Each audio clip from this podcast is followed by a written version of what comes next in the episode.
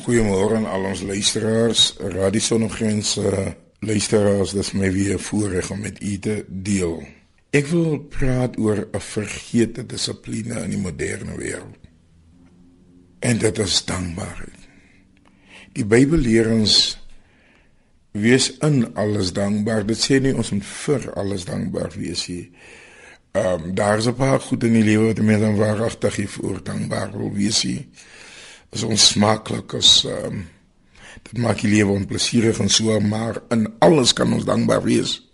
Want die feit dat ons hierdie dinge ervaar is dit wys ons lewe dan nog. Die wêreld met al die inligting waarin ons daagliks blootgestel word, forceer mens byna om soortgelyk te wees. Dit begin half intelligent en selfs welbeleesd te klink om te kla. 'n Mens wat klaar het dan sekerlik al wat 'n nuusberig berig is daardie dag kaf gedraf. Hy of sy is dis ingelig. En omdat goeie nuus nie winsgewend is nie, word welbelese mense al meer swartgalliger. Ek het eendag gelees van 'n man wat nie kon lees tydens die Groot Depressie nie, maar hy het nogtans besigheid gedoen asof daar niks verkeerd was nie en sy besigheid het selfs uitgebrei. Toe vra sy vriend hom of hy dan nie weet daar's 'n depressie nie. Hy sê toe is dit. Sy vriend begin hom toe al die statistieke te gee wat met 'n resessie gepaard gaan.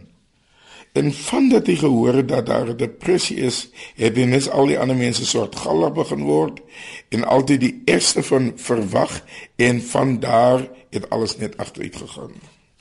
Paulus moes sekerlik geweet het waarvan hy gepraat het toe hy het gesê het: "Wees in alles dankbaar." Want hy het selfs 'n paar dinge in sy lewe deur gegaan. Die feit bly staan dat as u nou na my kan luister op radio, het u rede om dankbaar te wees. U kan loop, u kan hoor. Daar's een keer eenmal 'n liedjie wat gepraat het van uh, die man wat kwaad was. Die vrou wat kwaad was om sy nie skoene gehad het daai dag nie. Maar toe sy uitkom, toe sien sy iemand wat sonder voete is. En toe besef sy maar dan het sy nogtans rede om dankbaar te wees. As u nou in die motor op pad werk toe is, waar u u ook al op pad is, het u rede om dankbaar te wees. As u pyn kan voel, het u rede om dankbaar te wees. Ek het dit eers besef toe ek 'n program op televisie gekyk het van iemand wat nie pyn kan voel nie. Kom ons bid. Vader ons dankie.